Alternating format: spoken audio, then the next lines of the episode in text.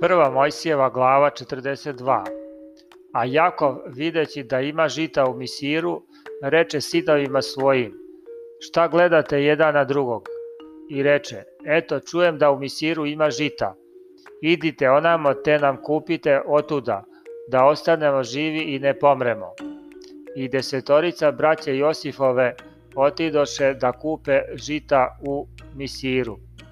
A Venijamina, brata Josifovog, ne pusti otac braćom govoreći, da ga ne bi zadesilo kako zlo. I dođeše sinovi Izraeljivi da kupe žita s ostalima koji dolažahu, jer beše glad u zemlji Hananskoj. A Josif upravljaše zemljom i prodavaše žito svemu narodu po zemlji. I braća Josifova došavši pokloniše mu se licem do zemlje. A Josif ugledavši braću pozna ih ali se učini da ih ne poznaje. I oštro im progovori i reče, odakle ste došli? A on re, ni rekoše, iz zemlje Hananske da kupimo hrane. Josif dokle pozna braću svoju, ali oni njega ne poznaše.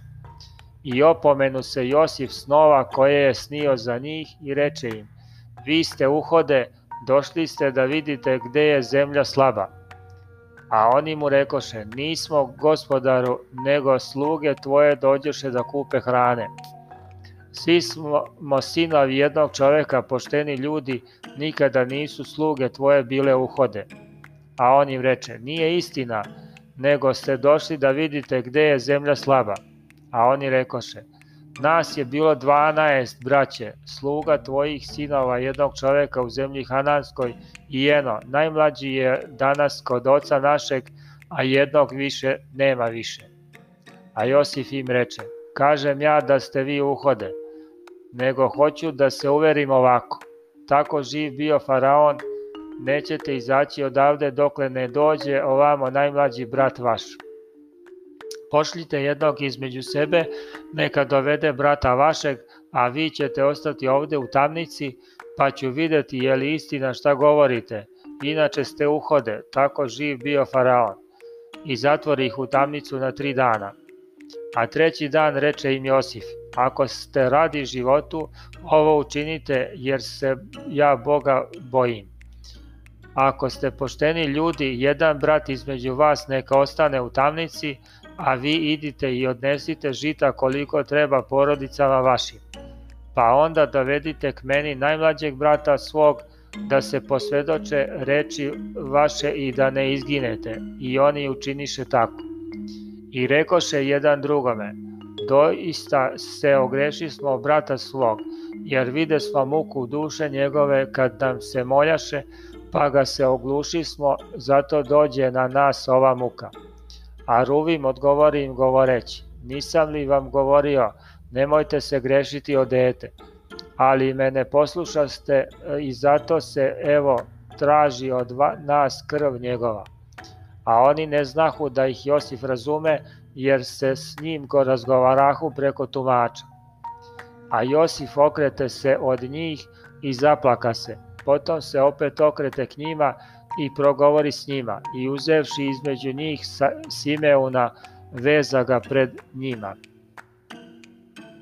I zapovedi Josif da mu naspu vreće žita, pa i novce što je kao koji dao da metnu svakome u vreću i da im dadu brašnjenice na put. I tako bi učinjeno. I natovarivši žito svoje na magarce svoje otidoše a jedan od njih otvorih svoju vreću da nahrani magarca svog u jednoj gostionici vide novce svoje ozgo u vreći.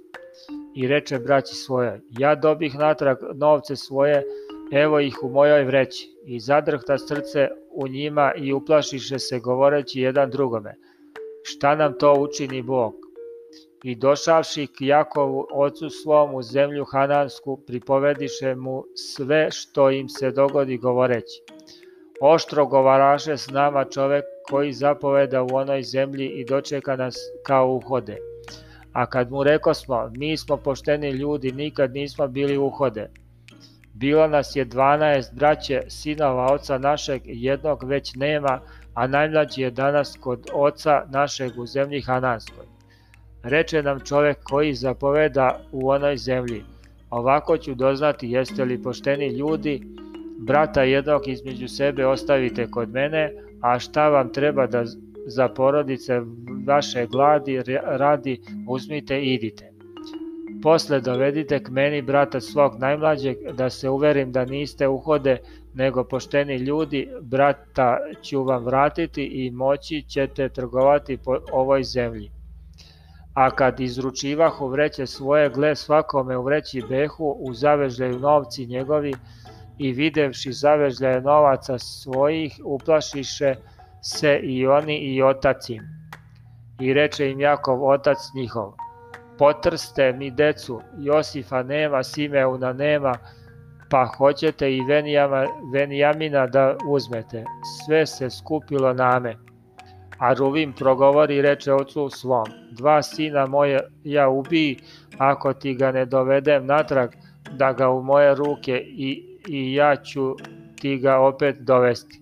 A on reče, neće ići sin moj s vama, jer je brat njegov umro i onda on osta sam, pa ako bi ga zadesilo kakvo zlo na putu na koji ćete ići, svalili biste me stara s tugom u grob.